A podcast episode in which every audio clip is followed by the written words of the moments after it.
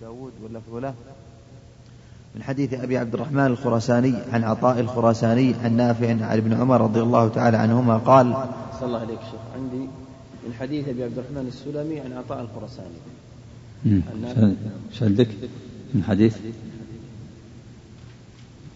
من حديث إيش؟ قال من حديث أبي عبد الرحمن الخراساني عن عطاء عن نافع عن ابن عمر. من حديث عطاء إيش؟ عن من حديث أبي عبد الرحمن السلمي عن عطاء الخراساني. أبي عبد الرحمن السلمي عندك؟ بدل الخراساني عندي الخراساني. ها.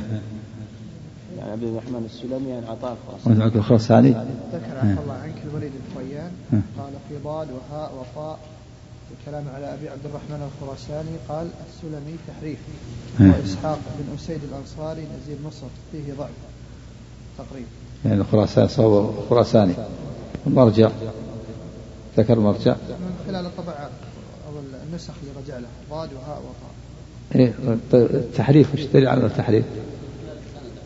ها؟ إيه إيه. أعد المتن هذا السند. أحسن عليك. قال قال روى الإمام أحمد وأبو داود واللفظ له من حديث أبي عبد الرحمن الخراساني عن عطاء الخراساني عن نافع عن ابن عمر. قد يكون عبد الرحمن السلمي آخر غير التابعي. وراجع وراجع المستد الخراساني نعم. نعم. هو صحيح واحتمل قريب لكن يحتمل أن يكون يحتمل أن يكون اسم متأخر. وافق الاسم المتقدم. نعم. أحسن عليك قال عن ابن عمر رضي الله تعالى عنهما قال سمعت رسول الله صلى الله عليه وسلم يقول إذا تبايعتم بالعينة وأخذتم أذناب البقر ورضيتم بالزرع وتركتم الجهاد سلط الله عليكم ذلا لا ينزعه حتى تراجعوا دينكم. لا حول ولا قوة إلا بالله. فلا بد هذه الآية فيها الوعيد الشديد على من قدم شيء من هذه الأمور الثمانية على على محبة الله ورسوله والجهاد في سبيله. وأن هذا من الفسق ولهذا قال والله لا والله لا يهدي القوم الفاسقين. نعم. فتربصوا حتى يأتي الله بأمره والله لا يهدي القوم الفاسقين. نعم. يعني انتظروا ماذا يحل بكم من العقوبة نعم. قال فلا بد من إيثار ما أحبه الله من عبده وأراده على ما يحبه العبد ويريده فيحب ما يحبه الله ويبغض ما يبغضه الله ويوالي فيه ويعادي فيه ويتابع رسوله صلى الله عليه وسلم كما تقدم في آية المحنة ونظائرها. آية المحيا وهي قول تعالى قل إن كنتم تحبون الله فاتبعوني يحببكم الله. نعم. أحسن عليكم. قال المصنف رحمه الله تعالى وعن أنس رضي الله عنه أن رسول الله صلى الله عليه وسلم قال لا يؤمن أحدكم حتى أكون أحب إليه من ولده ووالده والناس أجمعين. أخرجاه. أي البخاري ومسلم. قوله لا يؤمن أحدكم أي الإيمان الواجب والمراد كماله. حتى يكون الرسول أحب إليه من ولده ووالده والناس أجمعين. يعني المراد لا يؤمن الإيمان الكامل الواجب حتى يكون النبي أحب إليه من ولده وولده والناس أجمعين. فإذا قدم محبة الولد والوالد على محبة الرسول صلى الله عليه وسلم فإن إيمانه ناقص وهو آثم لأنه ترك واجبا يجب عليه أن يقدم محبة الرسول على محبة الولد والولد والنفس. فك... وليس المراد من كمال الإيمان المستحب لا كمال الإيمان الواجب. وواجب هذا. مثل قوله تعالى لا يؤمن أحدكم حتى يحب لأخيه ما يحب لنفسه. فالذي لا يحب لأخيه ما يحب لنفسه آثم وإيمانه ناقص. نعم. قال بل ولا يحصل هذا الكمال إلا بأن يكون الرسول أحب إليه من نفسه كما في الحديث أن عمر رضي الله عنه قال لأنت يا رسول الله أحب إلي من كل شيء إلا نفسي. فقال والذي نفسي بيده حتى أكون أحب إليك من نفسك. فقال له عمر فإنك الآن أحب إلي من نفسي. فقال الآن يا عمر. رواه البخاري. فمن قال إن المنفي هو الكمال فإن أراد الكمال الواجب الذي يذم تاركه ويعرض للعقوبة فقد صدق. وإن أراد أن المنفي الكمال المستحب فهذا لم يقع قط في كلام الله ورسوله صلى الله عليه وسلم قاله شيخ الإسلام. نعم. شيخ الإسلام قرر هذا في كتاب الإيمان بغيره أنه إذا جاء النفي إنما يكون لشيء واجب. لا ينفى الإيمان عن شيء مستحب. لا ينفى الإيمان لمن ترك شيئا مستحب. لو كان مستحب ما نفي عنه الإيمان. لكن لما نفي عنه الإيمان دل على أنه ترك شيئا واجبا لا يؤمن مثل قوله لا يؤمن أحدكم حتى يحب لأخيه ما يحب نفسه لا يؤمن من لا يأمن جاره بوائقه يعني غوائله وشره. يعني لا يؤمن الإيمان الواجب الذي تبرأ به ذمته. ويسلم من العقوبة. نعم. قال فمن ادعى محبة النبي صلى الله عليه وسلم بدون متابعة وتقديم قوله على قول غيره فقد كذب كما قال تعالى ويقولون آمنا بالله وبالرسول وأطعنا ثم يتولى فريق منهم من بعد ذلك وما أولئك بالمؤمنين. نعم هذا في المنافقين الآية. ويقول آمنا بالله وبالرسول وأطعنا. ثم يتولون فلا, فلا يعملون ولا يتبعون الرسول هل هذا إيمان؟ ولهذا قال وما أولئك المؤمنين ليس هؤلاء المؤمنين. يدعون الإيمان بألسنتهم ثم يعرضون بأفعالهم ولا يتبعون الرسول عليه الصلاة والسلام هذا ليس بإيمان. ويقولون آمنا بالله وبالرسول وأطعنا بألسنتهم ثم يتولى فريق منهم بعد ذلك عن العمل فلا يعملون ولا ولا يتبعون ولا يتابعون الرسول. ولهذا قال وما أولئك المؤمنين ليس أولئك المؤمنين هذه صفتهم. إيمان باللسان وتولي وإعراض عن المتابعة والعمل. نعم. نعم. إذا نفي الإيمان فالمراد أنه ترك شيئا واجبا. أما لو ترك مستحب لا ينفع عنه الإيمان. المستحبات والنوافل ما ينفع صاحب الإيمان. نعم. قال فنفى الإيمان عن عمن تولى عن طاعة الله عن طاعة الرسول صلى الله عليه وسلم. اللهم لكن كل مسلم يكون محبا بقدر ما معه من الإسلام. وكل مسلم لا بد أن يكون مؤمنا. وإن لم يكن مؤمنا وإن لم يكن مؤمنا الإيمان المطلق. إيش؟ لكن لكن لكن قال لكن كل مسلم يكون محبا بقدر ما معه من الإسلام. نعم. وكل مسلم لا بد أن يكون مؤمنا وإن لم يكن مؤمنا الإيمان المطلق. نعم الإنسان يكون محبا لله ورسوله بقدر ما فيه من الإيمان. أصل محبة الله ورسوله لا بد منها. من لم يحب الله ورسوله فهو كافر. لكن كمال المحبة أن نقدم محبة الله ومحبة الرسول على محبة كل شيء النفس والولد والوالد. فالكافر والمشرك ليس معه شيء من محبة الله ورسوله. والمؤمن العاصي معه أصل محبة. مع أصل محبة الله ورسوله لكن عنده نقص في هذه المحبة. وضعف. ولهذا عصى الله وعصى رسوله فنقص إيمانه ونقصت محبته. أما الكافر ليس عنده شيء من محبة الله ورسوله. وإن ادعى نعم. قال لأن ذلك لا يحصل إلا لخواص ولا أخبر قال ومن الناس يتخذون الله أندادا يحبونهم كحب الله. جاء فيها أنهم أنهم محبتهم الله. محبة المشركين لله ناقصة وضعيفة لأنها مشتركة. ولا تفيدهم هذه المحبة. وليست محبة.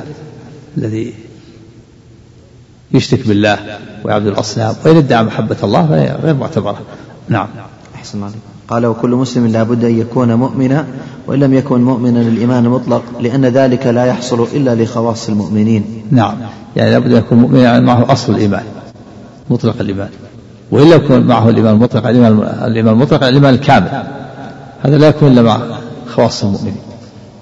أما مطلق الإيمان وأصل الإيمان هذا يكون مع مع غير الخواص. يكون يكون للعصاة. ولو كان العصاة معهم مطلق الإيمان. أما الإيمان المطلق الكامل هذا ما يكون إلا مع خاص المؤمنين الذين أدوا الواجبات وتركوا المحرمات. فرق بين مطلق الإيمان والإيمان المطلق. مطلق الإيمان أصل الإيمان والإيمان المطلق على الإيمان الكامل. نعم. قال شيخ الإسلام رحمه الله تعالى وعامة الناس إذا أسلموا بعد كفر أو ولدوا على الإسلام والتزموا شرائعه وكانوا من أهل الطاعة لله ورسوله فهم مسلمون ومعهم إيمان مجمل. لكن دخول حقيقة لكن لكن دخول حقيقة الإيمان إلى قلوبهم يحصل شيئا فشيئا. إن أعطاهم الله ذلك وإلا يحصل شيئا فشيئا إن أعطاهم الله ذلك. وإلا فكثير من الناس لا يصلون إلى اليقين ولا إلى الجهاد. ولو شككوا لشكوا ولو أمروا بالجهاد لما جاهدوا. إذ ليس عندهم من علم اليقين ما يدرأ الريب. ولا عندهم من قوة الحب لله ورسوله ما يقدمونه على الأهل والمال. فهؤلاء إن عوفوا من المحنة وماتوا دخلوا الجنة وإن ابتلوا بمن وإن ابتلوا بمن يدخل عليهم شبهات توجب ريبتهم فإن لم ينعم الله عليهم بما يزيل الريب وإلا صاروا مرتابين وانتقلوا إلى نوع من النفاق. لا حول ولا قوة أعد كلام الشيخ كلام عظيم قال الشيخ الإسلام. قال شيخ الإسلام رحمه الله تعالى وعامة الناس إذا أسلموا بعد كفر أو ولدوا على الإسلام والتزموا شرائعه وكانوا من أهل الطاعة لله ورسوله فهم مسلمون ومعهم إيمان مجمل ومعهم إيمان مجمل. لكن دخول حقيقة الإيمان إلى قلوبهم يحصل شيئا فشيئا إن أعطاهم الله ذلك. نعم دخول حقيقة الإيمان يكون معهم يعني محبة لله ولرسوله ويكون معهم رغبة في الخير رغبة في الإيمان رغبة في الجهاد رغبة في طلب العلم رغبة في الأعمال الصالحة. هذا يحصل شيئا بعد شيء. نعم. قال وإلا فكثير من الناس لا يصلون إلى اليقين ولا إلى الجهاد. ولو شككوا لشكوا ولو أمروا بالجهاد لما جاهدوا. إذ ليس عندهم من علم اليقين ما يدرأ الريب ولا عندهم من قوة الحب لله ورسوله. ما عندهم علم اليقين ما يدرأ الشك والريب. الشك قريب منهم. فإذا شككوا شكوا وإن عوفوا ولم يحصل لهم شيء ما يشككهم بقوا على إسلامهم. نعم إيمانهم نعم. قال ولا عندهم من قوة الحب لله ورسوله ما يقدمونه على الأهل والمال.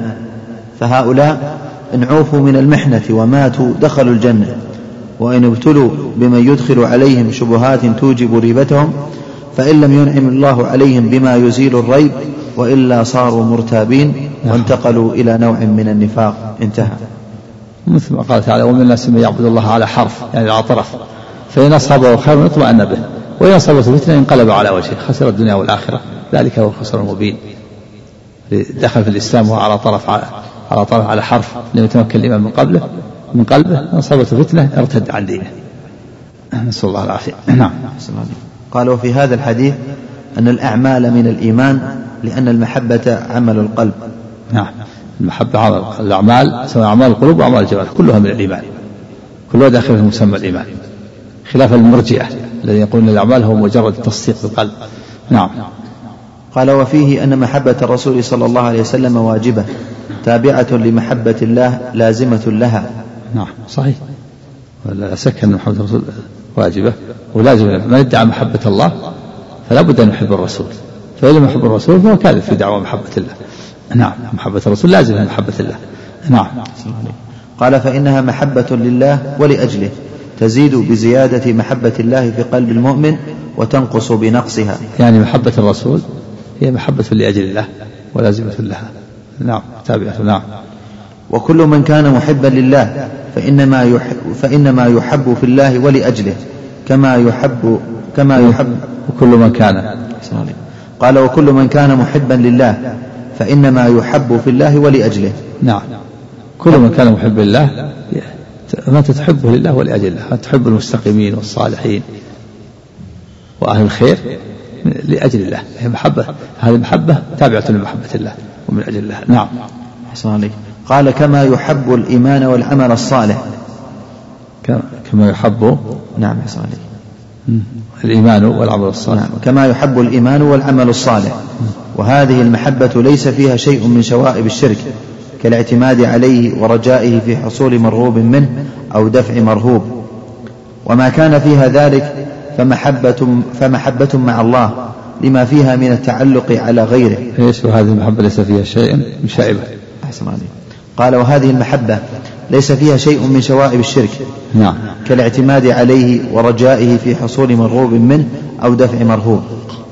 وما كان فيها ذلك فمحبة مع الله لما فيها من التعلق على غيره والرغبة إليه من دون الله نعم يعتمد على غير الله هذا لا محبة مع الله نعم أو رجاء غير الله نعم قال فبهذا يحصل التمييز بين المحبة في الله ولأجله التي هي من كمال التوحيد وبين المحبة مع الله التي هي محبة الأنداد من دون الله لما يتعلق بقلوب المشركين من الإلهية التي لا تجوز إلا لله وحده لا شريك له. إيش؟ بخلاف المحبة بخلاف المحبة مع الله. إيش أحسن عليك. قال فبهذا يحصل نعم. قال فبهذا. في خلاف المحبة إيش مع الله؟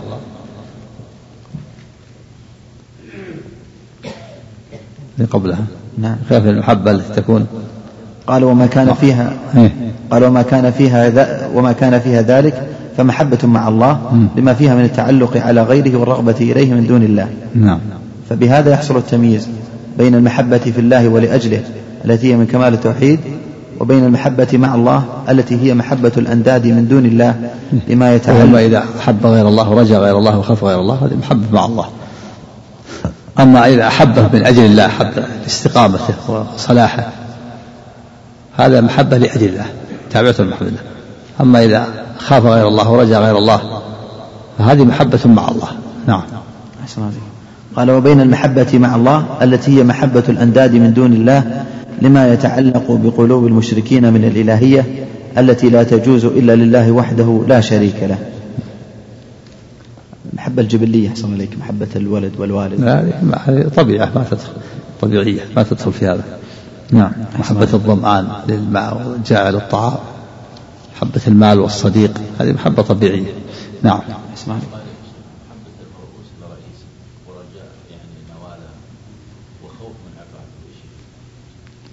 إذا كان يخاف منه أو يرجوه بحيث بأنه يعصي الله من أجل خوفه ورجائه منه صارت هذه معصية. صارت معصية. يعني لابد تتحقق هذه المحبة. من هذا وهذا الخوف من المرؤوس إن كان خوفه من المرؤوس ومحبته لا يحمله. على أن يفعل المحرمات أو يترك الواجبات. هذه صارت محبة مع الله. نعم.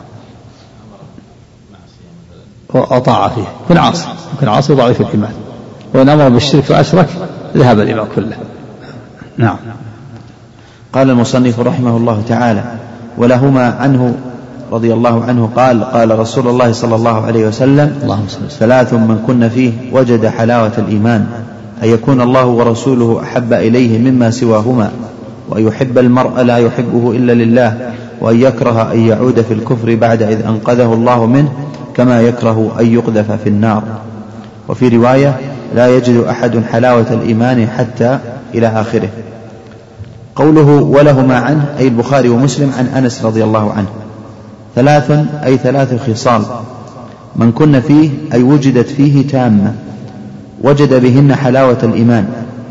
الحلاوة هنا هي التي يعبر عنها بالذوق لما يحصل به من لذة القلب ونعيمه وسروره وغذائه. يعني حلاوة لذته وبهجته وسروره. نعم. هو شيء محسوس يجده أهل الإيمان في قلوبهم. قال السيوطي في التوشيح وجد حلاوة الإيمان توشيح. الحاء؟ نعم. كتاب. كتاب. نعم. السيوط نعم. أي نعم. قال السيوطي في التوشيح وجد حلاوة الإيمان. فيه استعارة تخيلية. شبه رغبة المؤمن في الإيمان بشيء حلو وأثبت له لازم ذلك الشيء وأضافه إليه. هذا عقب الاستعارة التخيلية والمجاز. قد قرر شيخ الإسلام ابن تيمية بأن بأن المجاز حادث وأنه ليس معروف. المجاز عند- العرب ولا عند الصحابة ولا عند التابعين ولا عند القرون الثلاثة المفضلة وإنما حدث عند القرون المتأخرة. فليس في القرآن مجاز ولا في السنة ولا في اللغة. نعم. أحسن عليك.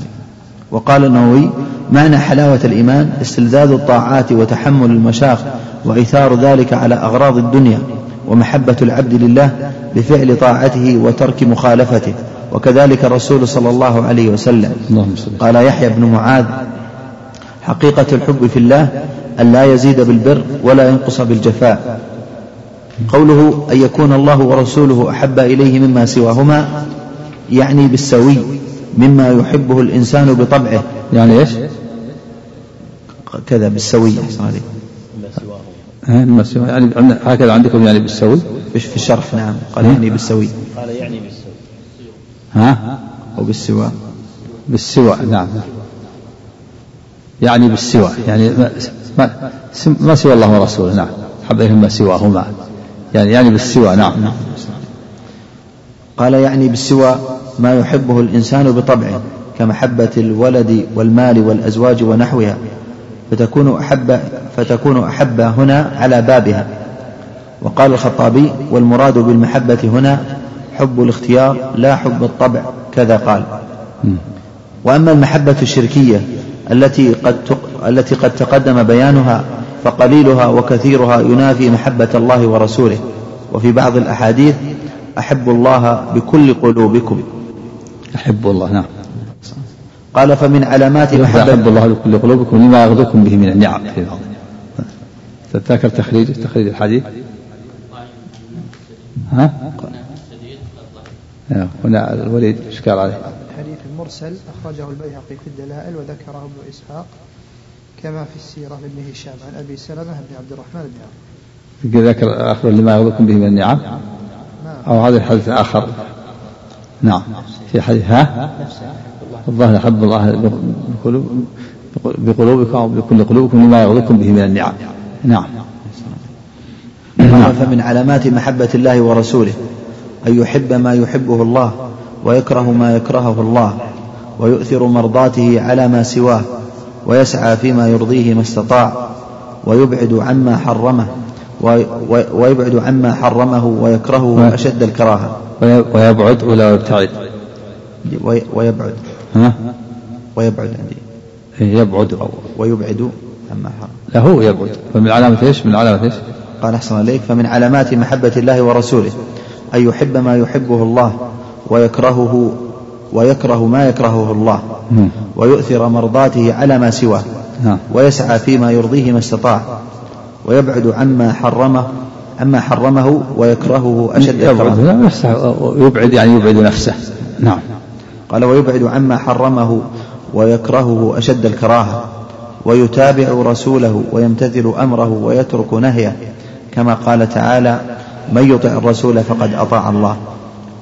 فمن آثر أمر غيره على أمره وخالف ما نهى عنه فذلك فذلك علم على عدم محبته لله ورسوله. فمن آثر. قال فمن آثر أمر غيره على أمره وخالف ما نهى عنه فذلك علم على عدم محبته لله ورسوله.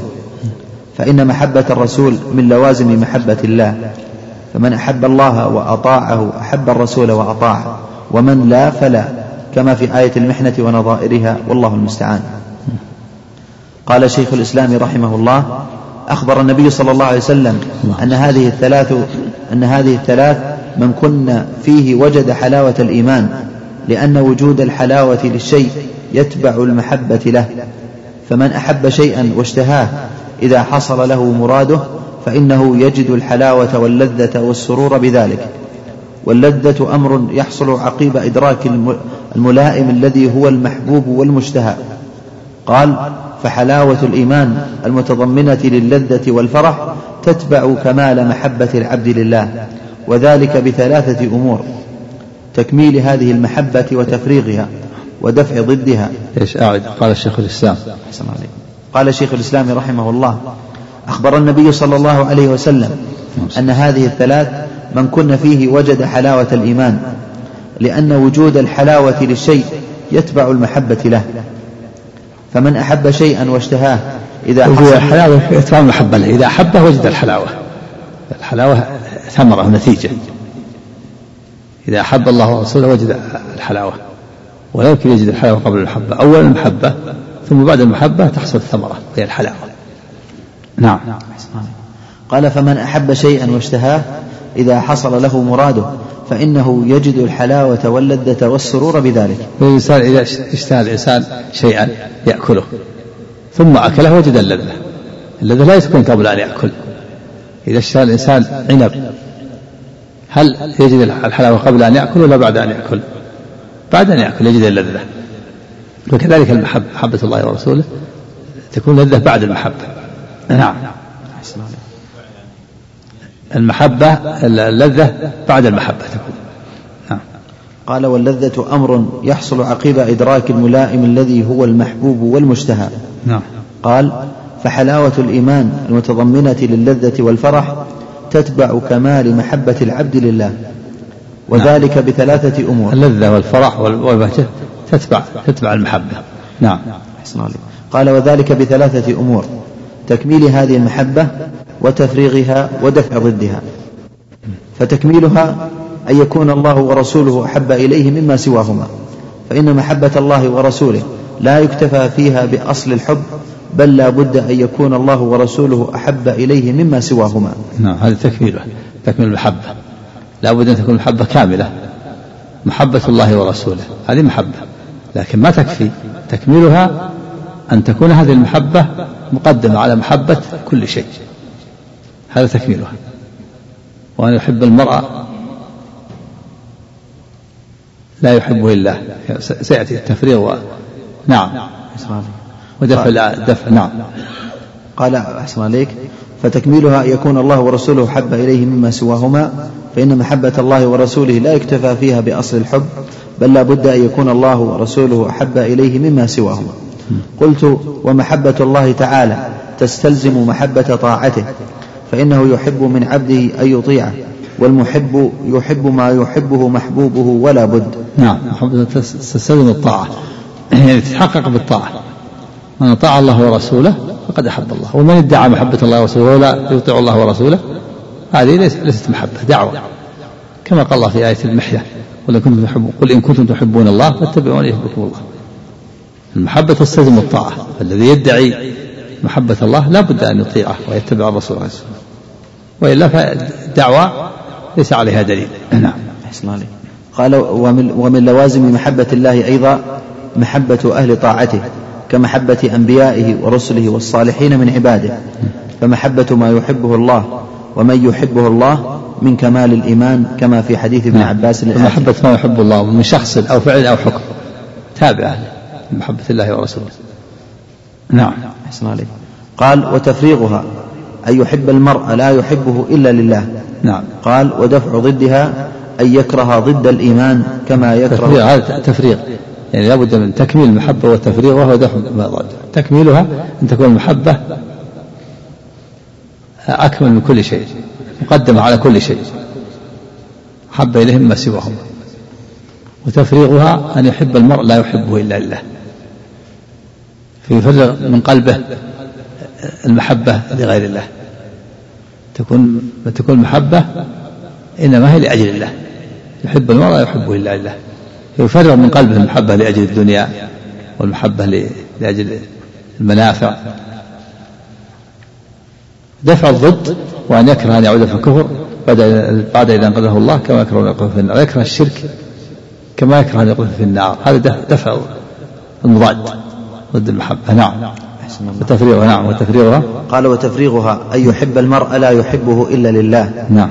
قال ودفع ودفع ضدها أن يكره ضد الإيمان كما يكره أن يقذف في النار. نعم. انتهى. نعم. قوله أحب إليه مما سواهما. بارك نعم. تفريغها بالغين بالغين. مو بالعين تفريغها تفريغها. نعم. السلام عليكم. هذا سائل يقول يا شيخ إني أحبك في الله. حبك الله الذي حببتنا فيه نعم. ذكرت أن فروخ مولى عثمان مقبول إذا توبع ووجد شاهد وهو صحابي أو يقول هو صحابي. فأشكل هذا علينا. لا ما هو بصحابي هو بصحابي مولى. مولى. ليس بصحابي. إيش في فروخ؟ إيش في ليس بالصحابه الصحابة كلهم عدول. إنما هذا يقال في غير الصحابة. ما الموالي للصحابة بعد بعد بعد النبي صلى الله عليه وسلم. صار له هذا المولى.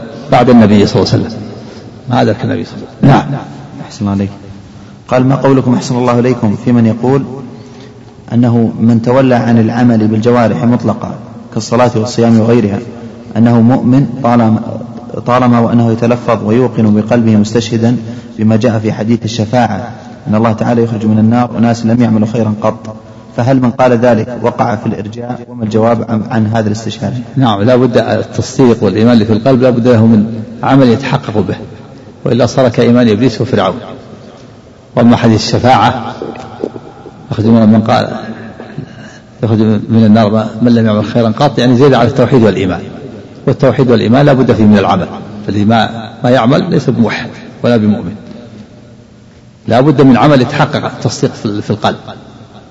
التصديق في القلب لابد له من عمل يتحقق فيه ولا صار ما في فرق بينه وبين إيمان إبليس وفرعون. إيمان مصدق إبليس فرعون إبليس مصدق وفرعون مصدق. لكن ما عندهم انقياد ولا اتباع لابد من الانقياد. فإذا لم ينقد ما صار إيمان ما تحقق الإيمان. نعم. ومعنى لم اخرج من النار يخرج من النار قوما لم يعملوا خيرا قط يعني زيادة على التوحيد والإيمان. والتوحيد والإيمان لا بد فيه من تصديق وعمل تصديق وانقياد. نعم. الله قال فروه فروخ ذكر عفى الله عنك في الكلام على فروة قال كذا في أصله. ونبه بهامشه على أن مولى عثمان هو فروخ لا فروة. إيه. وأنه هو الذي روى عن عمر. إيه. وعنه أبو يحيى المكي. وأن ترجمة فروخ الآتية في التفاريق حقهما أن تكون لفرقد لا لفروخ. إيه. كذا يؤخذ من التهذيب فتدبر. هي المقصود أن السائق والفروخ صحابي. ما هو صحابي الصحابة كلهم عدول. الصحابة ما ما يتكلم فيه معروف. نعم. لكن هذا مولى له بعد بعد بعد النبي صلى الله عليه وسلم. نعم. قال عفى الله عنك أنه مولى عثمان مدني عن عمرو عن عمر وعنه أبو يحيى المكي موثق. نعم. وثقه ابن حبان وروى له ابن ماجه. نعم. ها؟ العشق العشق هذا المحبة أنواع ذكروا منها العشق منها, منها الصبابة ومنها الإرادة ومنها المحبة ومنها الغرام ومنها الجنون أيضا من أنواع الجنون ومنها لكن اللي يوصف الله به المحبة والخلة من أنواعها. نعم. سم. قول القائل عفوا عنك أنا أتكلم إذا موجود. ها؟ أنا أتكلم إذا موجود. أنا آكل إذا موجود. اطلق هذه العبارة. كيف؟ وش معنى الكلام؟ كوني أتكلم إذا موجود. إذا موجود؟ إذا موجود. إلى إذا إذا موجود. أثبت الوجود عن طريق الأكل. ها؟ شو ما ما ما مفهوم الكلام هذا. بعضهم يثبت ال- الكلام إيه. والأكل إيه. والنوم إذا أنا موجود. لأنني نمت ولأنني أكلت إذا موجود. إيه هذا ما- معروف هو يشك في وجوده الآن؟ وشك في وجوده يستدل؟ بهذا الدليل. ها؟ يستدل بأنه يأكل إذا هو موجود. هو ما يعرف نفسه الآن. هو ذاته موجودة غير غير الأكل والشرب. ذاته ذاته موجودة قائم بنفسه. هو قائم بنفسه ولا ما تكلم ولا ما أكل نعم هذه هذه فلسفة فلسفة. نعم. بسم الله الرحمن الرحيم. الحمد لله رب العالمين. وصلى الله وسلم وبارك على نبينا محمد وعلى آله وصحبه أجمعين. قال الشيخ عبد الرحمن الحسن رحمه الله تعالى في باب قول الله تعالى ومن الناس من يتخذ من دون الله أندادا يحبونهم كحب الله. قال قوله أحب إليه مما سواهما فيه جمع ضمير الرب سبحانه وتعالى وضمير رسوله صلى الله عليه وسلم وفيه قولان.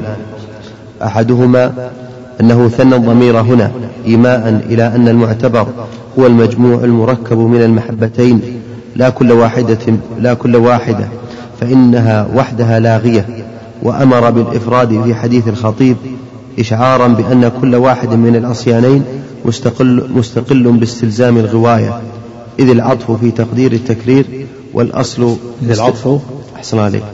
إذ العطف في تقدير التكرير والأصل استقلال كل من المعطوفين في الحكم. يعني لابد من محبة الله ومحبة ك- كما أن لابد من طاعة الله وطاعة رسوله.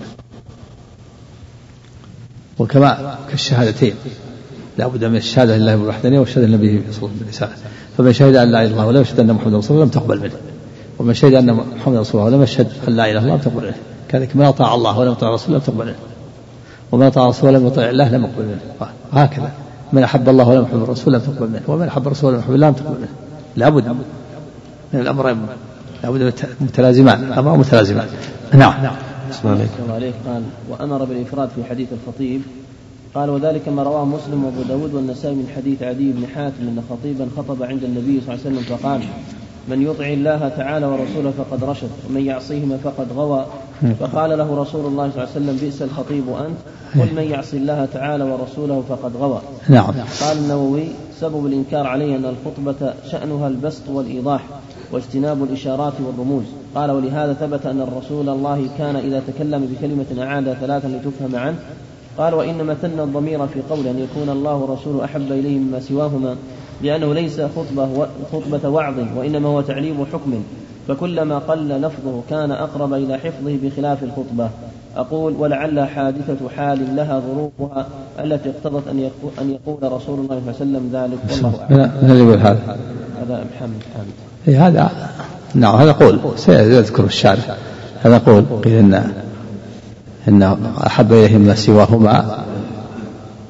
يعني ثنى الضمير لأن المقام ليس مقام تفصيل.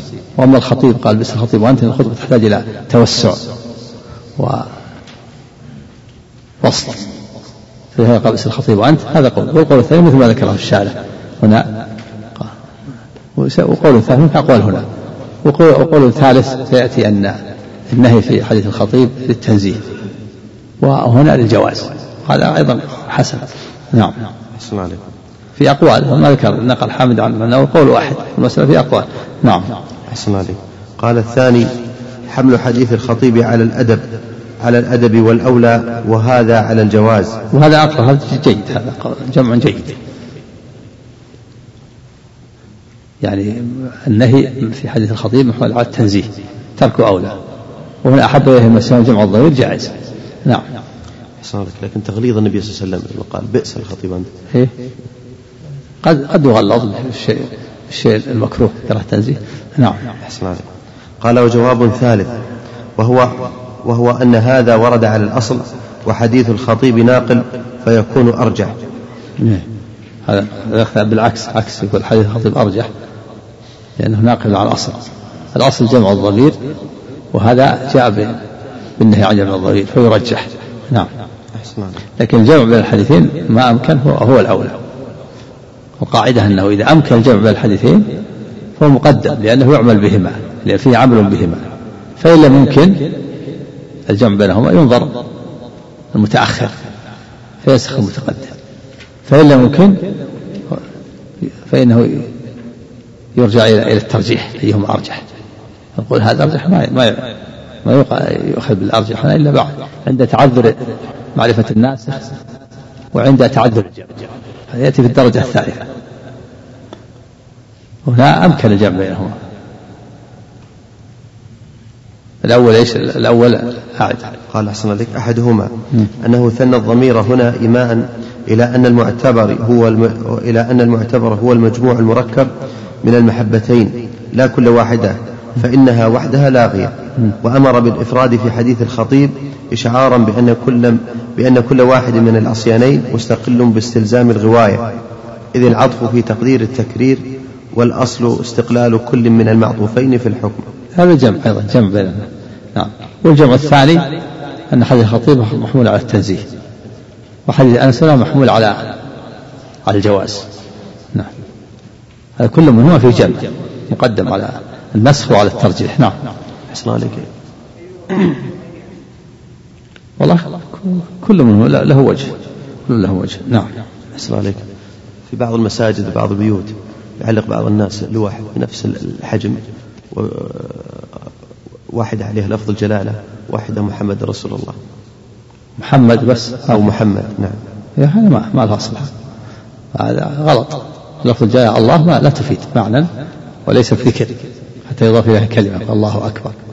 هذا ذكر الصوفية يقول الله الله الله.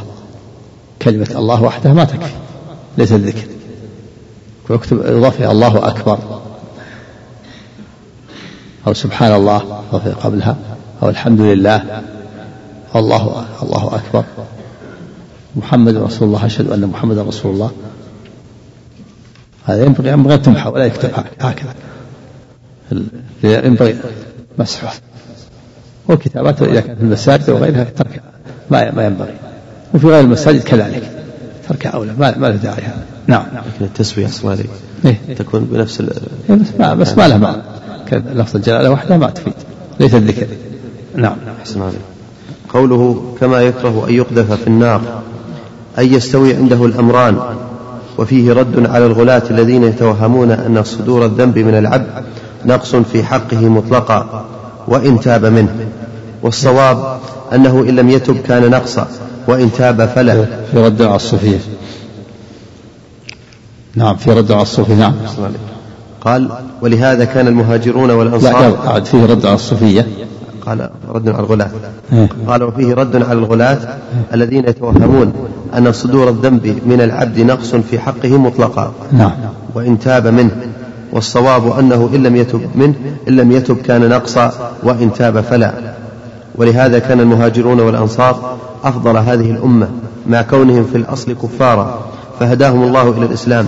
والإسلام يمحو ما قبله وكذلك الهجرة كما صح الحديث بذلك. نعم. التائب من الذنب كمن لا ذنب له. نعم. ولا يعير الإنسان بالذنب الذي تاب منه نعم. قوله وفي رواية لا يجد أحد هذه الرواية أخرجها البخاري في الأدب من صحيحه ولفظه لا يجد أحد حلاوة الإيمان حتى يحب المرء لا يحبه إلا لله وحتى أن يقذف في النار أحب إليه من أن يرجع إلى الكفر بعد إذ أنقذه الله منه وحتى أن يكون الله ورسوله أحب إليه مما سواهما. وقد تقدم أن المحبة هنا عبارة عما يجده المؤمن من اللذة والبهجة والسرور والإجلال والهيبة ولوازم ذلك. قال الشاعر أهابك إجلالا وما بك قدرة علي ولكن ملء عين حبيبها. قال المصنف رحمه الله تعالى أهابك أهابك إجلالا وخضاب الأنثى. هو علق عليه ما ها؟ إيه من كلام خاطب محبوبته أهابك إجلالا إيش؟ قال أهابك إجلالا وما بك قدرة علي ولكن ملء عين حبيبها. الشاهد أهابك إجلالا أن معناها الإجلال. من المحبة الإجلال. نعم. أحسن الله قال المصنف رحمه الله تعالى وعن ابن عباس رضي الله تعالى عنهما قال من أحب في الله وأبغض في الله ووالى في الله وعاد في الله. شو معنى المحبة الإجلال إيش؟ قبل قبل, قبل, قبل تقدم أن إيه. المحبة هنا عبارة عما يجده المؤمن من اللذة والبهجة والسرور والإجلال والهيبة ولوازم ذلك. نعم. قال المصنف رحمه الله تعالى من لوازمها الطاعة. من لوازمها الطاعة. والاتباع نعم. فمن أحب شخصا وهو, وهو يعصي أمره فهو كاذب في دعواه أنه يحبه ولهذا امتحن الله من ادعى محبة الله يقول إن كنتم تحبون الله فاتبعوني يحببكم الله. نعم. قال المصنف رحمه الله تعالى وعن ابن عباس رضي الله تعالى عنهما قال من أحب في الله وأبغض في الله ووالى في الله وعاد في الله فإنما تنال ولاية الله بذلك ولا يجد عبد طعم الإيمان وإن كثرت صلاته وصومه حتى يكون كذلك. وقد صارت عامة مؤاخاة الناس على أمر الدنيا وذلك لا يجدي على أهله شيئا. رواه ابن جرير. قال وأخرج ابن أبي شيبة وابن أبي حاتم الجملة الأولى منه فقط.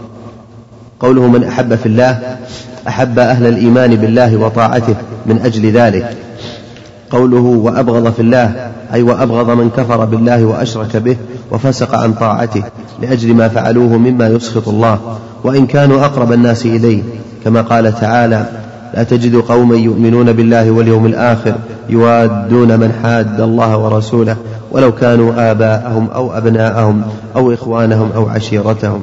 الآية قوله ووالى في الله هذا والذي قبله من لوازم محبة العبد لله تعالى فمن أحب الله أحب فيه ووالى أولياءه وعاد أهل معصيته وأبغضهم. وجاهد أعداءه ونصر أنصاره. وكلما قويت محبة العبد لله في قلبه قويت هذه الأعمال المترتبة عليها. وبكمالها يكمل توحيد العبد ويكون ضعفها على قدر ضعف محبة العبد لربه. نعم لا لا من أحب في الله لابد أن يواليه. من ادعى أنه يحب الله وهو يوالي أعداء الله فليس صادقا في دعواه المحبة. المحبة تقتضي موالاة ولي الحبيب ومعاداة عدوه أتحب أعدائي وتزعم حبه؟ ما يمكن هذا. يحب أعداء الحبيب ويدعو أنه يحبه ليس بصادق في دعواه نعم. وكذلك من يدعي أنه يحبه وهو يعصيه ليس صادقا. لو كان صادقا لا أحبه تحب أعداء الحبيب وتزعم حبه ما لك في إمكانه نعم. قال وبكمالها يكمل توحيد العبد ويكون ضعفها على قدر ضعف محبة العبد لربه فمقل ومستكثر ومحروم. قوله فإنما تنال ولاية الله بذلك أي توليه لعبده وولاية وولاية بفتح الواو لا غير. الولاية نعم. الولاية المحبة أما الولاية بالكسر الإمارة. نعم. قال ولاية بفتح الواو لا غير أي أي الأخ أي الأخوة والمحبة والنصرة وبالكسر الإمارة والمراد هنا الأول. ولأحمد والطبراني عن النبي صلى الله عليه وسلم قال اللهم لا يجد العبد صريح الإيمان حتى يحب لله ويبغض, ويبغض لله فإن أحب لله وأبغض لله فقد استحق الولاية, الولاية لله. ولأحمد؟ أحسن الله عليكم. قال ولأحمد والطبراني عن النبي صلى الله عليه وسلم قال لا يجد العبد صريح الإيمان حتى يحب لله ويبغض لله. فإذا أحب لله وأبغض لله فقد استحق الولاية لله. وفي نعم. حديث صريح خالص الإيمان. نعم. قال وفي حديث آخر أوثق عرى الإيمان الحب في الله والبغض في الله عز وجل. رواه الطبراني. قال قوله ولن يجد عبد طعم الإيمان إلى آخره الله عز وجل رواه الطبراني. قال قوله ولن يجد عبد طعم الإيمان إلى آخره أي لا يحصل له ذوق الإيمان ولذته وسروره وإن كثرت صلاته وصومه حتى يكون كذلك أي حتى يحب في الله ويبغض في الله. لا يجد عبد طعم الإيمان أي لا يجد ذوقه نعم قال أي لا يحصل له ذوق, ذوق الإيمان ولذته وسروره وإن كثرت صلاته وإن كثرت صلاته وصومه حتى يكون كذلك. أي حتى يحب في الله ويبغض في الله ويعادي في الله ويوالي في الله. وفي حديث أبو وفي حديث أبي أمامة رضي الله عنه مرفوعا من أحب لله وأبغض لله وأعطى لله ومنع لله فقد استكمل الإيمان. رواه أبو داود. قوله وقد صارت عامة مؤاخاة الناس على أمر الدنيا وذلك لا يجزي على أهله شيئا أي لا ينفعهم بل يضرهم. كما قال تعالى الأخلاء يومئذ بعضهم لبعض عدو إلا المتقين. فإذا كانت البلوى قد عمت بهذا في زمن ابن عباس رضي الله عنهما في خير القرون فما زاد الأمر بعد ذلك إلا شدة. إذا كان ابن عباس في الصدر الأول زمن الصحابة والتابعين يقول صارت عامة مؤاخاة الناس على أمر الدنيا. محبة الناس مؤاخاة الأجهزة. فكيف؟ القرن الرابع عشر والقرن الخامس عشر.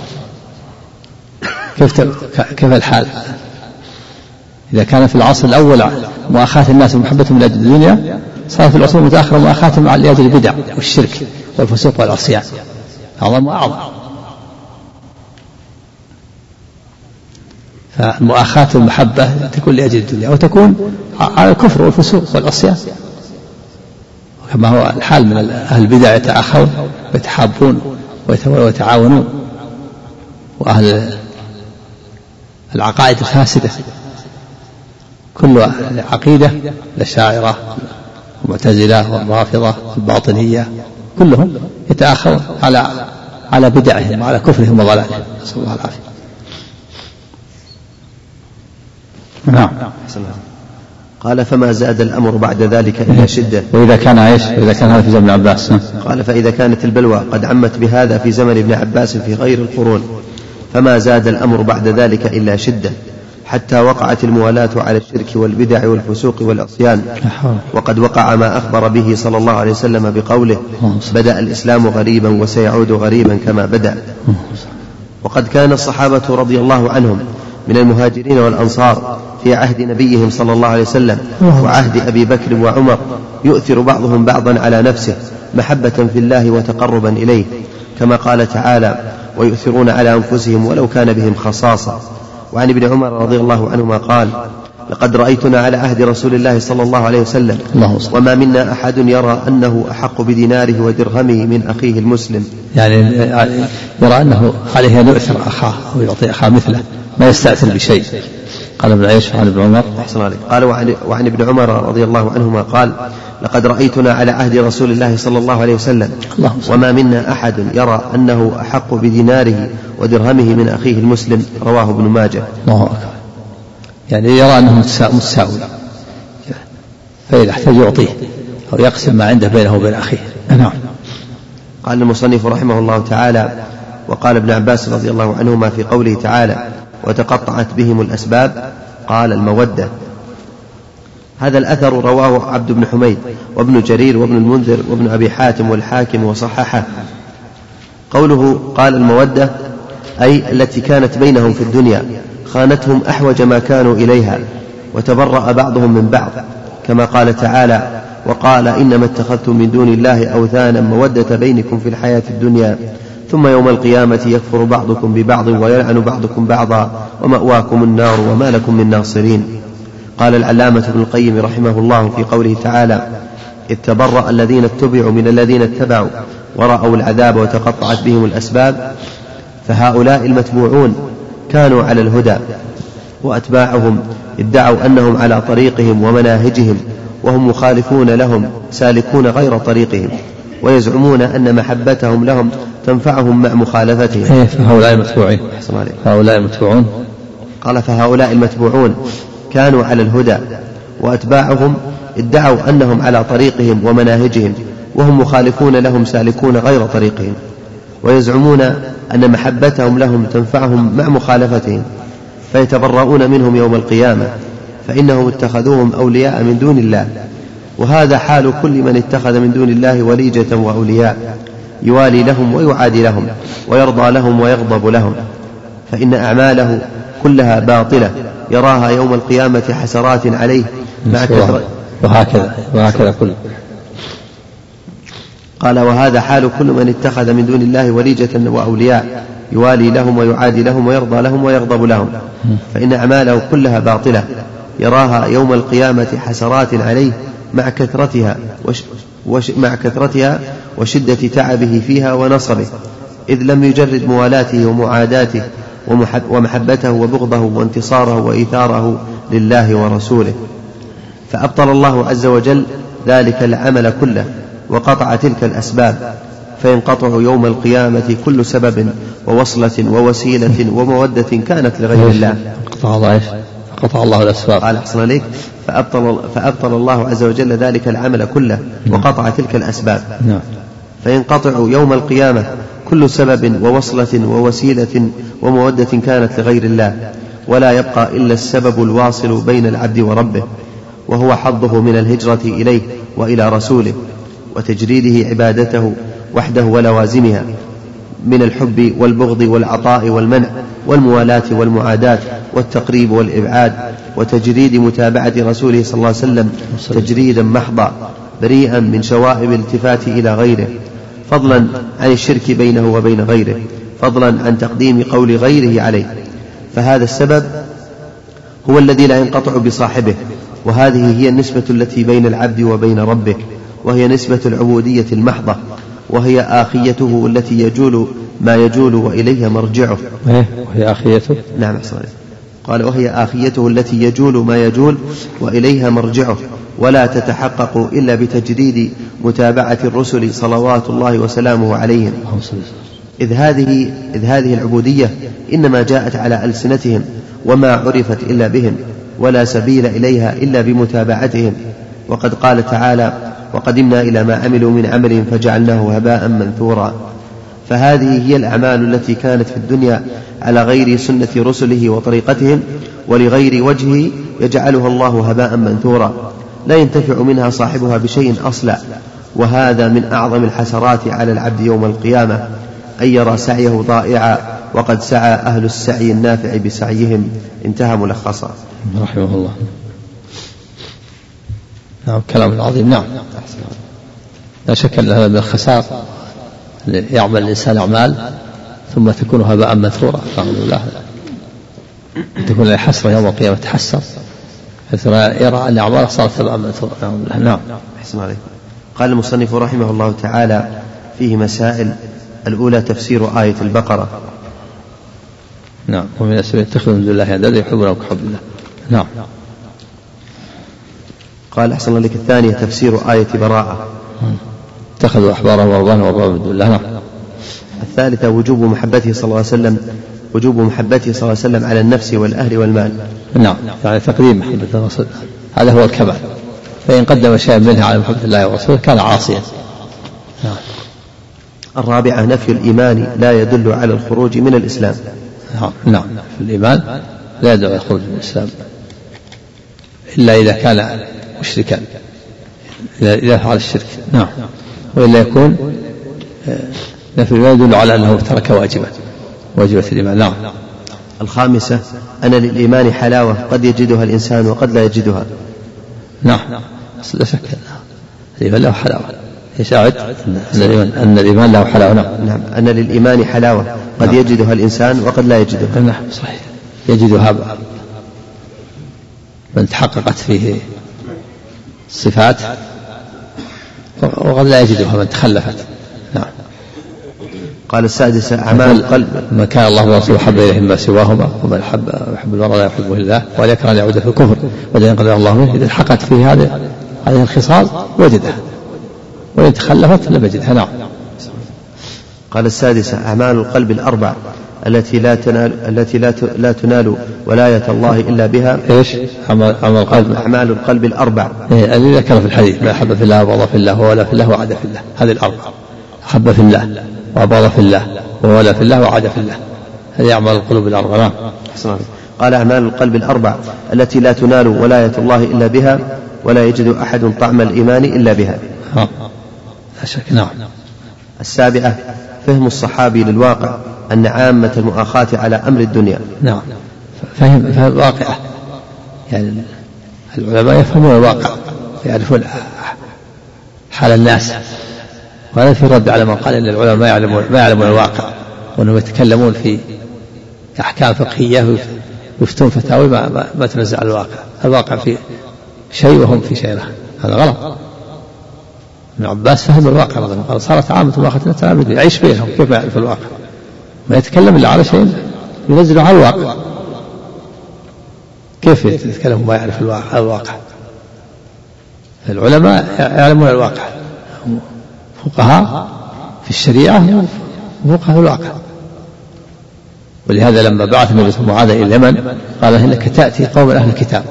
فيقول اول ما تدعون أن لا إله إلا الله. يعلمهم بالواقع يعرف واقعهم وحالهم حتى تكون الدعوة موافقة لحاله يعلم انهم الكتاب الجدل يستعدون المناظرة ليسوا وثنيين ليسوا أميين ما عندهم علم. لا عندهم علم. الجدل يستعد المناظرة هذا من معرفة الواقع. وقال ابن عباس قد صارت عامة أخذت الناس على الدنيا. هذا هذا معرفة الواقع. بعض الناس في شنشنة بعض الناس يرمي العلماء بأنهم لا يعلمون الواقع. ولا يعرفون إلا يتكلموا بالحيض والنفاس ولا يعرفون الواقع. ما يعرفون واقع الناس. هذا هذه هذه تهمة المقصود منها التنفير من أهل العلم. نعم. قال الثامنة تفسير قوله تعالى وتقطعت بهم الأسباب. نعم. نعم وأنها وأن الأسباب هي المودة. نعم. التاسعة أن من المشركين من يحب الله حبا شديدا. إيه ولكن حبت لكن حب حبه لله. يعني ليس خالصا بل معه محبة شرك محبة لغير الله فلا تفيده. ليست المحبة خالصة بل معها غيرها. نعم. التاسعة آه، العاشرة الوعيد على من كان من كان الوعيد على من كان الثمانية أحب إليه من دينه. نعم الثمانية ذكرت في الآية. ولئن كان آباؤكم وأبناؤكم وإخوانكم وأزواجكم وعشيرتكم وأموال اقترفتموها وتجارة تخشون كسادها ومساكن ثمانية أشياء. نعم. ليس الوعيد على الوعيد على من كان الثمانية أحب إليه من دينه. نعم. وأنه, وأنه فاسق. تربص صلاة الله بهذا فالله لا يدخل فسق فسق نعم. حسن عليك. الحادية عشرة أن من اتخذ ندا تساوي محبته محبة الله فهو الشرك الأكبر. نعم. من اتخذ ندا مع الله يساوي محبته محبة الله فهو مشرك. خازما بالله نعوذ أن تجعل الله ندا وهو خلقك. في الحديث. نعم. لما سألنا حديث مسعود سأل عن أعظم الذنب قال أن تجعل الله ندا وهو خلقك. نعم. قال نعم. باب قول الله. تعالى سم. السلام عليكم. هذا أحد الأخوة يقول فضيلة الشيخ أحبك في الله. حبك. هل يجوز أن يتفق مجموعة من الشباب على صيام يوم الخميس قبل ذلك بيوم مثل ليلة الخميس؟ حتى يحصى عدد الذين سيصومون ليعد الفطور بعددهم خاصة أن أغلبهم حدثاء عهد بالاستقامة. أفيدونا جزاكم الله خيرا. لا بأس كان مقصد التشجيع لا بأس. لكن ما يكون يقصد الإسلام ولا يقصد ولا أو يعتقد أنه واجب أو يكون فيه رياء لا. من باب التعاون مثل كذلك أيضا لو يوصيه بأن يوقظ آخر الليل حتى يصلي باب التعاون لا بأس. نعم. قال أحسن عليك نعم.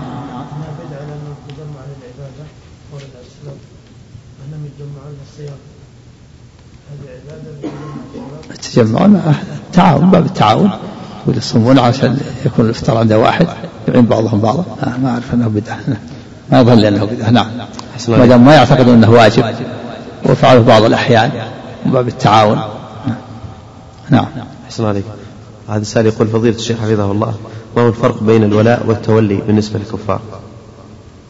التولي ردة هذه سمعنا وهي محبتهم بالقلب وما ينشأ عنها المساعدة لهم بالمال وبالسلاح وبالرأي قال الله تعالى ومن يتولى منكم فإنه منهم. وأما الموالاة فهي معاشرة ومصادقة. اتخذه صديق يزوره ويعاشره نعم. هذه كبيرة من كبائر الذنوب. نعم. يقدم على غيره وما أشبه ذلك. نعم. قال الله تعالى في الأول في الأولى ومن يتولى منكم فإنه منهم. إن الله لا يهدي القوم. يا أيها الذين آمنوا لا تتخذوا اليهود والنصارى أولياء. بعضهم أولياء بعض. ومن يتولى منكم فإنه منهم. نعم. بسم الله الرحمن الرحيم. الحمد لله رب العالمين. صلى الله وسلم وبارك على نبينا محمد وعلى آله وصحبه أجمعين. قال الشيخ الإمام المجدد محمد بن عبد الوهاب رحمه الله تعالى في كتاب التوحيد باب قول الله تعالى إنما ذلكم الشيطان يخوف أولياءه فلا تخافوهم وخافون إن كنتم مؤمنين. وقول الله تعالى إنما يعمر مساجد الله من آمن بالله واليوم الآخر وأقام الصلاة ولم يخش إلا الله فعسى أولئك وآتى الزكاة. ولم يخش إلا الله فعسى أولئك أن يكونوا من المهتدين. وقول الله تعالى ومن الناس من يقول آمنا بالله فإذا أوذي في الله جعل فتنة الناس كعذاب الله. وعن أبي سعيد مرفوعا إن من ضعف اليقين أن ترضي الناس بسخط الله وأن تحمدهم على رزق الله وأن تذمهم على ما لم يؤتك الله. وأن تذمهم على ما لم يؤتك الله. إن رزق الله لا يجره حرص حريص ولا يغده كراهية كاره وعن عائشة رضي الله عنها قالت قال رسول الله صلى الله عليه وسلم من التمس رضا من التمس رضا الله بسخط الناس رضي الله عنه وأرضى عنه الناس. ومن التمس رضا الناس بسخط الله سخط الله عليه وأسخط عليه الناس. رواه ابن حبان في صحيحه. بسم الله الرحمن الرحيم. الحمد لله رب العالمين والصلاة والسلام على نبينا محمد وعلى آله وصحبه أجمعين. قال المؤلف الشيخ الإمام المجدد محمد, محمد بن الوهاب رحمه الله تعالى في كتاب التوحيد باب قول الله تعالى إنما ذلكم الشيطان يخوف أولياءه. فلا تخافون وخافون إن كنتم مؤمنين. مقصود المؤلف رحمه الله بهذه الترجمة أن أن الخوف عبادة عظيمة يجب إخلاصها لله عز وجل. وأن خوف العبادة وخوف السر وخوف العقيدة يجب أن يكون خالصا لله وأن صرفه لغير الله شرك. والخوف من أعظم مقامات الدين. والخوف يستلزم ويقتضي فعل الواجبات وترك المحرمات والمسارعة في مرض الله ومحابه. والانتهاء عن نواهي الله والوقوف عند حدود الله. ولهذا بين الله تعالى جزاء الخائفين وثوابهم. قال سبحانه ولمن خاف مقام ربه جنتان. لولا أن الخوف يثمر ويقتضي فعل الواجبات وترك المحرمات والمصارفة في مرض الله لما كان هذا ثوب الخائفين.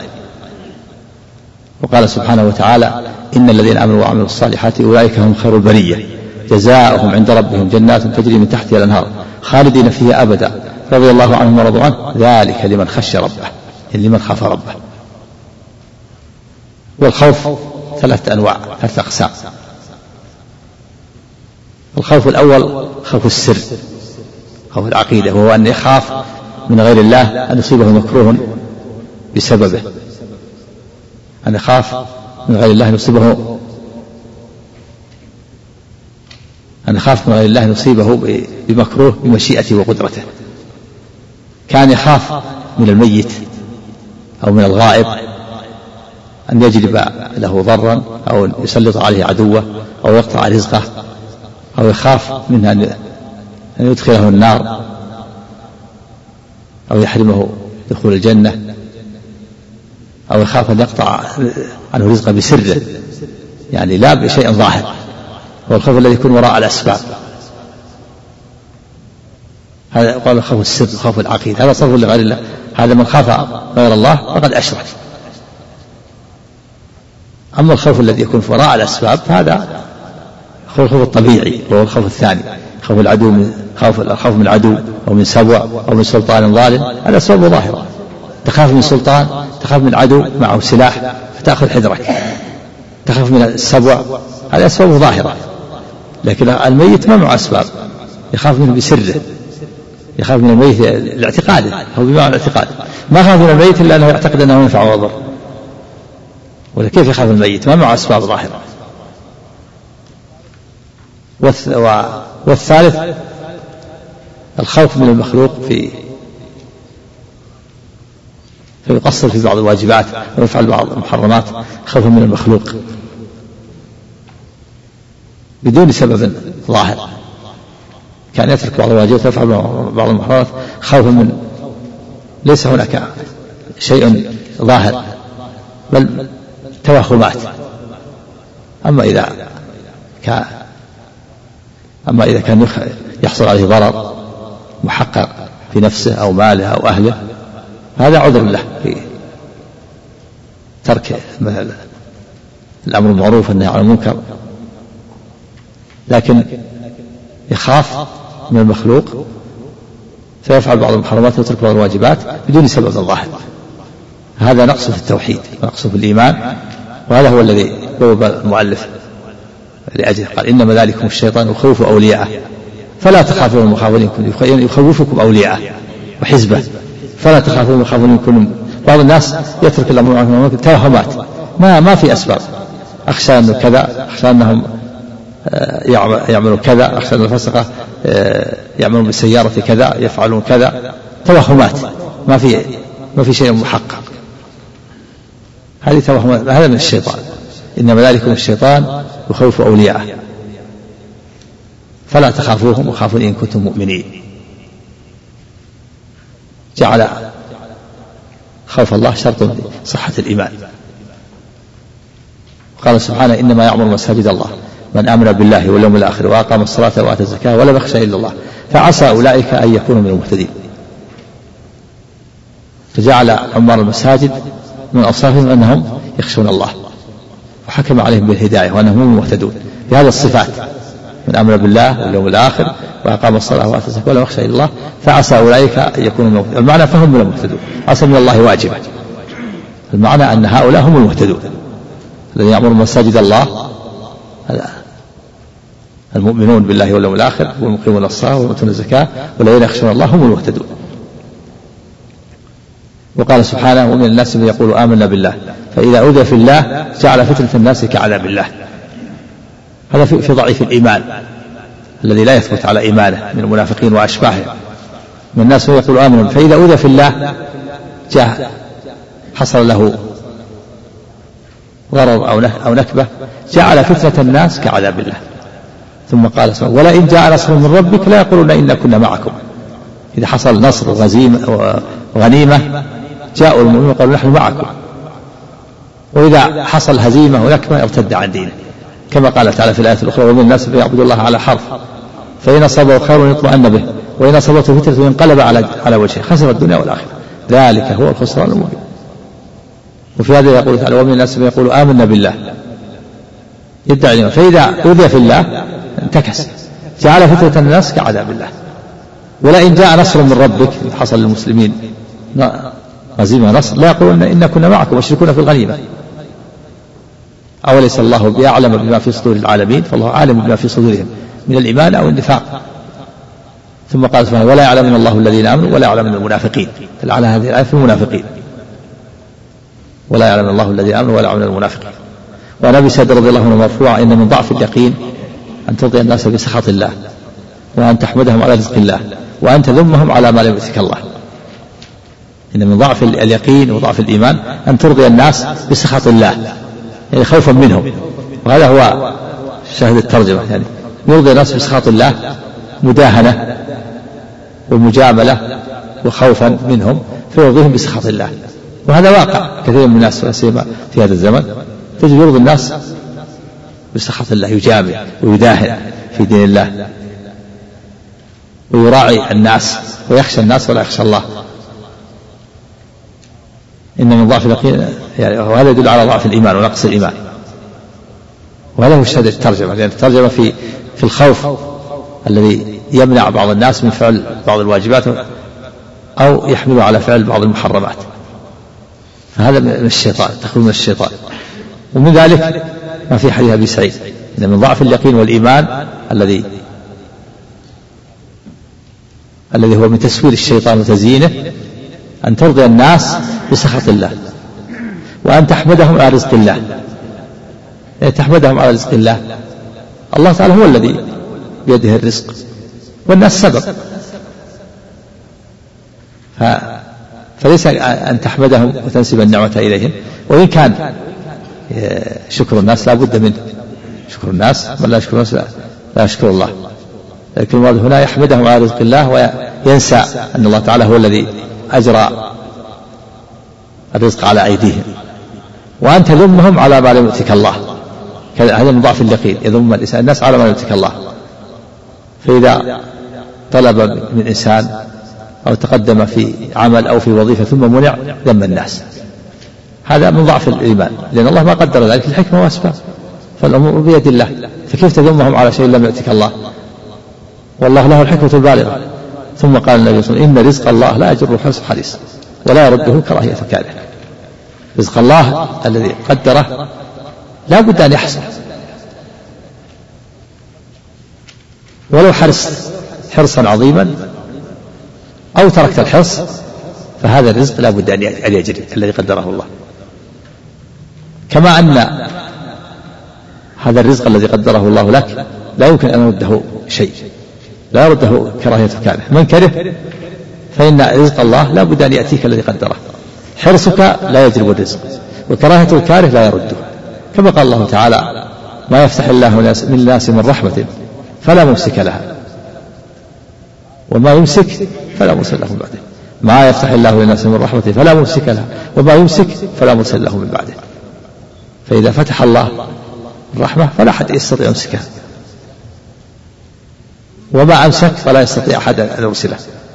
وكما في حديث ابن عباس النبي صلى الله عليه وسلم قال له في وصية له واعلم أن الأمة لو اجتمعوا على أن ينفعوك بشيء لم ينفعوك إلا بشيء قد كتبه الله لك.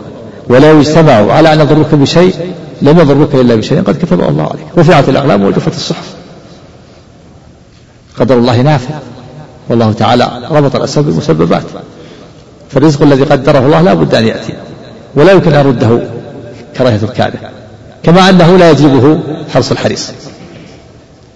وعن عائشة رضي الله عنها أن النبي صلى الله عليه وسلم قال من التمس رضا الله بسخط الناس رضي الله عنه وأرضى عنه الناس ومن ومن التمس رضا الناس بسخط الله سخط الله عليه وأسخط عليه الناس. رواه ابن حبان في صحيحه. وجاء أن معاوية كتب إلى عائشة رضي الله عنها تكتب له فكتبت له هذا. الحديث. من التمس رضا الله بسخط الناس رضي الله عنه وارضى عنه الناس. لأن الأمور بيد الله. إذا التمس رضا الله واستقام على بالإيمان والتوحيد والطاعة استقام على طاعة الله. ولو كره من كره الله تعالى يرضى عنه ويرضي عنه الناس لأن يعني القلوب بيد الله. بعض الناس تجده يراعي يقول أنا في البيت منعني أبي أو كذا من العمل بطاعة الله منعني من أمرني بالمعصية فيراعيه يقول لا افعل الطاعة وتكون معصية ولو سخط عليك أبوك أو أمك. فالله تعالى يرضى عنك ويرضي عنك الناس. ومن التمس رضا الناس بسخط الله سخط الله عليه وسخط عليه الناس. التمس رضا الناس يرضي الناس بالمعاصي فالله تعالى يسخط عليه والقلوب بيده يسخط عليه الناس. يعامل بنقيض قصده لأن الجزاء من جنس العمل. وفي لفظ لهذا الحديث عاد حامده من الناس ذاما ومن التمس رضا الناس بسخط الله عاد حامده من الناس ذاما له. يعني في في, في أول الأمر إذا أرضى الناس بسخط الله قد يوافقه بعض الناس لكن في ثاني الحال والمآل الله تعالى يسخط عليه الناس. فيعاقب ويكون الجزاء من جنس العمل ولا حول ولا قوة بالله. تجده في أول الأمر يرضي الناس بسخط الله ويوافقه في أول الأمر بعض الناس ويرى أنهم موافقون له. ثم بعد ذلك يسلطهم الله عليه فيسخطهم عليه ويتنكرون له ويذمونه ويسخطون عليه. جزاء وفاق الجزاء من جنس العمل فالسعادة إنما في طاعة الله تعالى وفي ملازمة الطاعة وفي إخلاص العبادة لله وفي إفراد الله تعالى بالخوف والتوكل والرجاء. والمحبة. ولو كره بعض الناس ولو سخط بعض الناس فإن الواجب على المسلم أن يرضي الله لأنه مخلوق العبادة لله والناس رضوا أو سخطوا. لا ينبغي الإنسان أن ينظر إليهم. ولكن الله سبحانه وتعالى من رحمته بعبده المؤمن وثوابه المعجل أنه أن من أرضى الناس أن من أرضى الله بسخط الناس فإن الله تعالى يرضيهم عنه يجعلهم يرضون عنه. ومن أرضى الناس بسخط الله وإن وافقوا في أول الأمر فإن الله يسخطهم عليه عقوبة وجزاء. والجزاء من جنس العمل. ونسأل الله سبحانه وتعالى أن يوفقنا وإياكم للعمل بما يرضيه ويوفقنا جميعا للإخلاص والصدق مع الله في الخوف والرجاء والمحبة والتوكل. ولزوم الطاعة والاستقامة على دين الله وشرعه. إنه ولي ذلك والقادر عليه. صلى الله نعم سم. سم. بسم الله الرحمن الرحيم. الحمد لله رب العالمين. وصلى الله وسلم وبارك على نبينا محمد وعلى آله وصحبه أجمعين. قال الشيخ عبد الرحمن بن حسن رحمه الله وإياه. قال المصنف رحمه الله تعالى باب قول الله تعالى إنما ذلكم الشيطان يخوف أولياءه. فلا تخافوهم وخافون إن كنتم مؤمنين. الخوف من أفضل مقامات الدين وأجلها وأجمع أنواع العبادة التي يجب إخلاصها لله تعالى. قال الله تعالى يخافون ربهم يخافون ربهم من فوقهم. وقال ولمن خاف مقام ربه جنتان. وقال تعالى وهم من خشيته مشفقون. وقال تعالى وإياي فارهبون. وقال تعالى فلا تخشوا الناس واخشون. وأمثال هذه الآيات في القرآن كثير. نعم هو من أفضل مقامات الدين. والخوف الحقيقي هو الذي يثمر أداء الواجبات ترك المحرمات. يلزم من الخوف من خوف من الخوف الصحيح الخوف الصحيح هو الذي يحمل صاحبه على أداء الواجب وترك المحرمات. وإلا فلا يكون خوفا. ولهذا قال الله تعالى ولمن خاف مقام ربه جنتان. قال سبحانه بعد ذكر وصف المؤمنين ذلك لمن خشى ربه. لما وصفهم بالعمل الصالح. نعم. قال والخوف من حيث هو ثلاثة أقسام. أحدها خوف السر وهو أن وهو أن يخاف من غير الله من وثن أو طاغوت أن يصيبه بما يكره كما قال تعالى عن قوم هود إنهم قالوا له إن نقول إلا اعتراك بعض آلهتنا بسوء. قال إني أشهد الله واشهدوا أني بريء مما تشركون. من دونه فكيدوني جميعا ثم لا فكيدوني جميعا ثم لا تنظرون. هذا خوف السر يسمى خوف العبادة. يعني يخاف من الميت يخاف بسره أن يسلط عليه عدوه بسره لا بسبب مظاهر يخاف من صاحب القبر يقطع رزقه أو يسلط عليه عدوه. أو يحرمه دخول الجنة برزقه ما ما بسره ما في شيء سبب مظاهر نعم. وقال تعالى ويخوفونك بالذين من دونه. وهذا هو الواقع من عباد القبور ونحوها من الأوثان. يخافونها ويخوفون بها أهل التوحيد إذا أنكروا عبادتها وأمروا بإخلاص العبادة لله. نعم ولهذا ينافي التوحيد. يعظمون يخشعون عندها. رحمك الله. بعض يزحف على يديه ورجليه. أمام القبر. قبر ميت. لو كشف القبر وجد عظام بالية. ومع ذلك يأتي يزحف بيديه ورجليه يخاف من صاحب القبر. صلى الله عليه وسلم. فهذا الخوف معنى الاعتقاد يعني يعتقد. يعتقد أنه يتصرف صاحب الميت. يعتقد أنه ينفع ويضر أنه يستطيع أن يجلب له نفعا أو يدفع عنه ضرا ولهذا سمي خوف السر. نعم. نعم الشرك في العبادة. الشرك في العبادة. وقد يكون إذا اعتقد أنه يشفع له. فإذا اعتقد أنه ينفع وضر صار شرك في الربوبية. نعم. أحسن عليك قال الثاني أن يترك الإنسان ما يجب عليه خوفا من بعض الناس فهذا محرم وهو نوع من الشرك بالله وهو نوع من الشرك بالله المنافي لكمال التوحيد وهذا هو سبب نزول هذه الآية. يعني النوع الثاني أن يترك بعض الواجبات يفعل بعض المحرمات خوفا. من الناس من بعض الناس بدون سبب محقق بدون أن يلحقه ضرر في بدنه أو ماله أو أهله أو عرضه ما لحقه. توهمات من الشيطان. يترك الأمر بالمعروف والنهي عن المنكر يقول أخاف خاف من بعض الناس خاف يأتي سيارة شيء يكسرون سيارة يفعلون كذا ما جاء ما, ما جاء تهديد ما هدد إنسان ولا جاء ضرر في بدنه ولا في ماله ولا في أهله. لكن توهمات من الشيطان. هذا الخوف منه فيترك الأمر بالمعروف والنهي عن المنكر يترك الواجبات يفعل المحرمات. خوف. وهذا هو الذي عقد له الباب إنما ذلكم الشيطان الخوف أولياءه فلا تخافون وخافون إن كنتم مؤمنين. نعم. إذا كان الخوف متحقق. أمك نعم. إذا كان هذا الخوف متحقق. إذا كان يكون يكون هذا عذر له في ترك. يكون عذر له سقط عنه الواجب. إذا كان الضرر محقق في دينه أو بدأ يسجن أو يضرب سقط. وإن صبر وتحمل لكنه يكون عذر له. سقط عنه واجب في هذه الحالة. نعم. ها؟ لا. المسألة هل يؤخذ الإنسان بجريرة غيره؟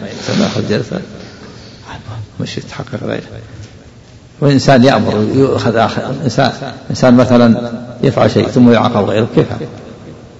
يفعل فعله يفعل فعل شخص ذو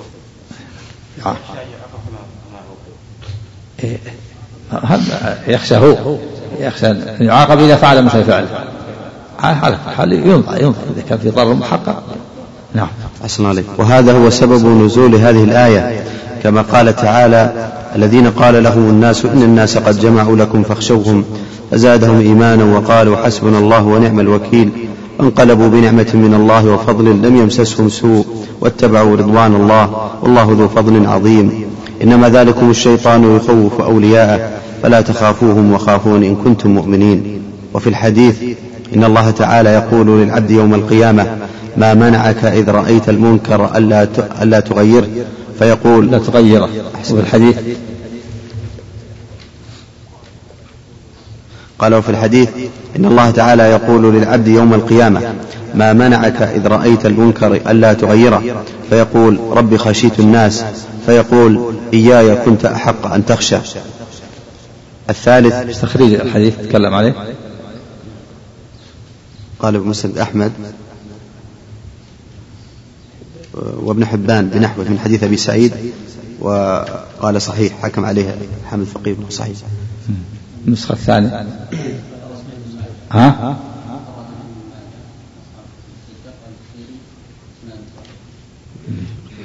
التخريج من ها؟ طيب. نعم عندك شيء؟ نعم.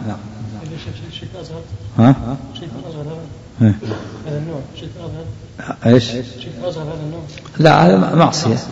نعم.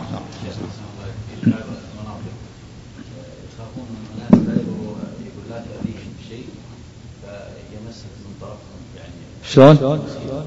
كيف؟ بعض المناطق في عوائل يخاف منهم هكذا انتشر هذا عند الناس صغير مع أن هذا العوائل فيهم الساق وفيهم المعاصي الظاهره ومع ذلك يعتقدون الناس أنه من يأذيهم لابد ان يحصل له شيء. هذه من؟ هذه العوائل يسمون بالسادة ويسمون إيه. هذا وش السادة الصوفية ولا كيف؟ يأذيهم إيش؟ كيف يأذيهم؟ الأذى ما يجوز الأذى الأذى ما يجوز. الذي يعتدي ما يجوز يعتدي على أحد. لا على السادة ولا على غيره لا يعتدي. ها؟ إذا كان يعتقد أنه في السر أنه يتصرف أنه ما عنده ما معهم أسباب ظاهرة ما معهم سلاح ولا معهم كذا ولا يبطشون بهم بأنفسهم. هذا الأسباب الظاهرة. ها؟ إيه. لا يتحصن السحابة يتحصن بالأوراد الشرعية الحمد لله. نعم. هذا محرم ونوع من الشرك. هذا على القول بأن بأن المعاصي كلها نوع من الشرك نوع من الهوى. لكن الصواب أن الشرك هو ما ورد في نصوص تسويته شركا من المعاصي الحل بغير الله. نعم. هو قال منافي لكمال التوحيد. إيه؟ نوع من الشرك لا بالله منافي لكمال التوحيد. إذا نوع من الشرك على القول بأن المعاصي كلها نوع من الشرك لأنها نوع من الهوى. هذا قول في بعض أهل كل المعاصي نوع من الشرك. لكن الصواب أن أن المعاصي نوعان معاصي نوع سمي شركا كالحديث بغير الله هذا أكبر. ونوع كبائر ولم يسمى شركا. وهناك أيضا النوع الثالث هو الصغائر. نعم. تكون هذيك منافي لأصل التوحيد. ها؟ الأولى تكون منافي لا لأصل التوحيد. لا مو منافي. منافي كبائر التوحيد الشرك الأصغر. الأصغر ما ينافي التوحيد كامل. حل بغير الله وما شاء الله وشد ينافي كمال التوحيد. نعم. أحسن. قال الثالث الخوف الطبيعي وهو الخوف من عدو أو سبع أو غير ذلك. فهذا لا يذم كما قال تعالى في قصة موسى عليه الصلاة والسلام فخرج منها خائفا يترقب. نعم هذا الخوف الطبيعي. وهو الخوف ممن معه أسباب ظاهرة. يخاف من عدو معه سلاح فيأخذ حذرة. يخاف من لص يأخذ الاحتياطات. يخاف من سبع. يعد السلاح يخاف من الحيات والعقارب. هذا خوف أسبابه ظاهرة هذا خوف طبيعي لا يلام عليه السلام. قال الله تعالى عن موسى فخرج منها خائفا يترقب لأن الملأ معهم أسباب ظاهرة ظلم يريدون قتله. نعم. خاف منهم خوفا طبيعيا. جبل الإنسان على هذا. يخاف من البرد فيلبس الثياب يستدفئ بها. يخاف من الجوع فيأكل. هذا خوف طبيعي. نعم.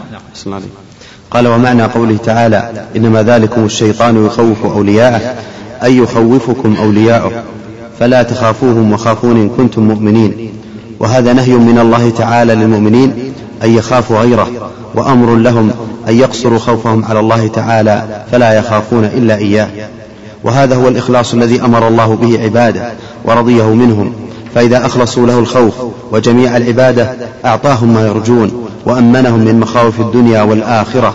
قال تعالى أليس الله بكاف عبده ويخوفونك بالذين من دونه؟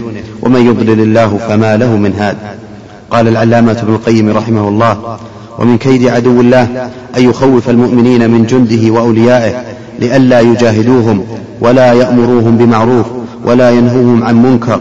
وأخبر تعالى أن هذا من كيد الشيطان وتخويفه ونهانا أن نخاف قال المعنى عند جميع المفسرين يخوفكم بأوليائه. قال قتادة يعظمهم في صدوركم. فكلما قوي إيمان العبد زال من قلبه خوف أولياء الشيطان. وكلما ضعف إيمانه قوي خوفه منهم. فدلت هذه الآية على أن إخلاص الخوف من شروط كمال الإيمان. قال المصنف رحمه الله تعالى وقوله إنما يعمر مساجد الله من آمن بالله واليوم الآخر واقام الصلاة واتى الزكاة ولم يخش إلا الله فعسى أولئك أن يكونوا من المهتدين. أخبر تعالى أن مساجد الله لا يعمرها إلا أهل الإيمان بالله واليوم الآخر الذين آمنوا بقلوبهم وعملوا بجوارحهم وأخلصوا له الخشية دون من سواه فأثبت لهم عمارة المساجد بعد أن نفاها عن المشركين لأن عمارة المساجد بالطاعة والعمل الصالح والمشرك وإن عمل فعمل وإن عمل فعمله كسراب بقيعة يحسبه الظمآن ماء حتى إذا جاءه لم يجده شيئا أو كرماد اشتدت به الريح في يوم عاصف وما كان كذلك فالعدم خير منه. فلا تكون المساجد عامرة إلا بالإيمان الذي معظمه التوحيد مع العمل الصالح الخالص من شوائب الشرك والبدع. نعم هذا العمارة الحقيقية العمارة المعنوية. عمارة المساجد التوحيد والإخلاص والإخلاص والصلاة والتعلم والتعليم وقراءة القرآن والدعاء. هناك نوع آخر من العمارة وهي العمارة الحسية وهي بناؤها وفرشها وكنسها وتنظيفها. لكن هذه قد قد يعمرها حتى غير البر. قد يعمر المساجد مساجد العمارة الحسية ويكون الفاجر. لكن العمارة المعنوية هذه خاصة بالمؤمنين الخلص إنما يأمر مساجد الله من آمن بالله واليوم الآخر وأقام الصلاة وآتى الزكاة ولا يخشى إلا الله. في الأول في العمارة الحسية قال فيها النبي من بنى لله مسجدا ولو كان مفحص قطاه بنى الله له بيتا في الجنة. يعني إذا كان من المؤمنين عن إيمان بالله. النصوص ضم بعضها إلى بعض إذا بنى مسجدا وكان مؤمنا فإن له هذا هذا موعود بالجنة. يعني إذا لم يفعل شيء من الكبائر التي يموت عليها لأن صاحب الكبير متوعد بالنار. نعم. قال وذلك كله داخل في مسمى الإيمان المطلق عند أهل السنة والجماعة. قوله ولم يخش إلا الله قال ابن عطية. إيش وذلك؟ أحسن. الله يعني ما سبق. الأعمال كلها داخلة في الإيمان المطلق. الإيمان المطلق يشمل أداء الواجبات وترك المحرمات. أما مطلق الإيمان فالمراد في أصل الإيمان. نعم. أحسن.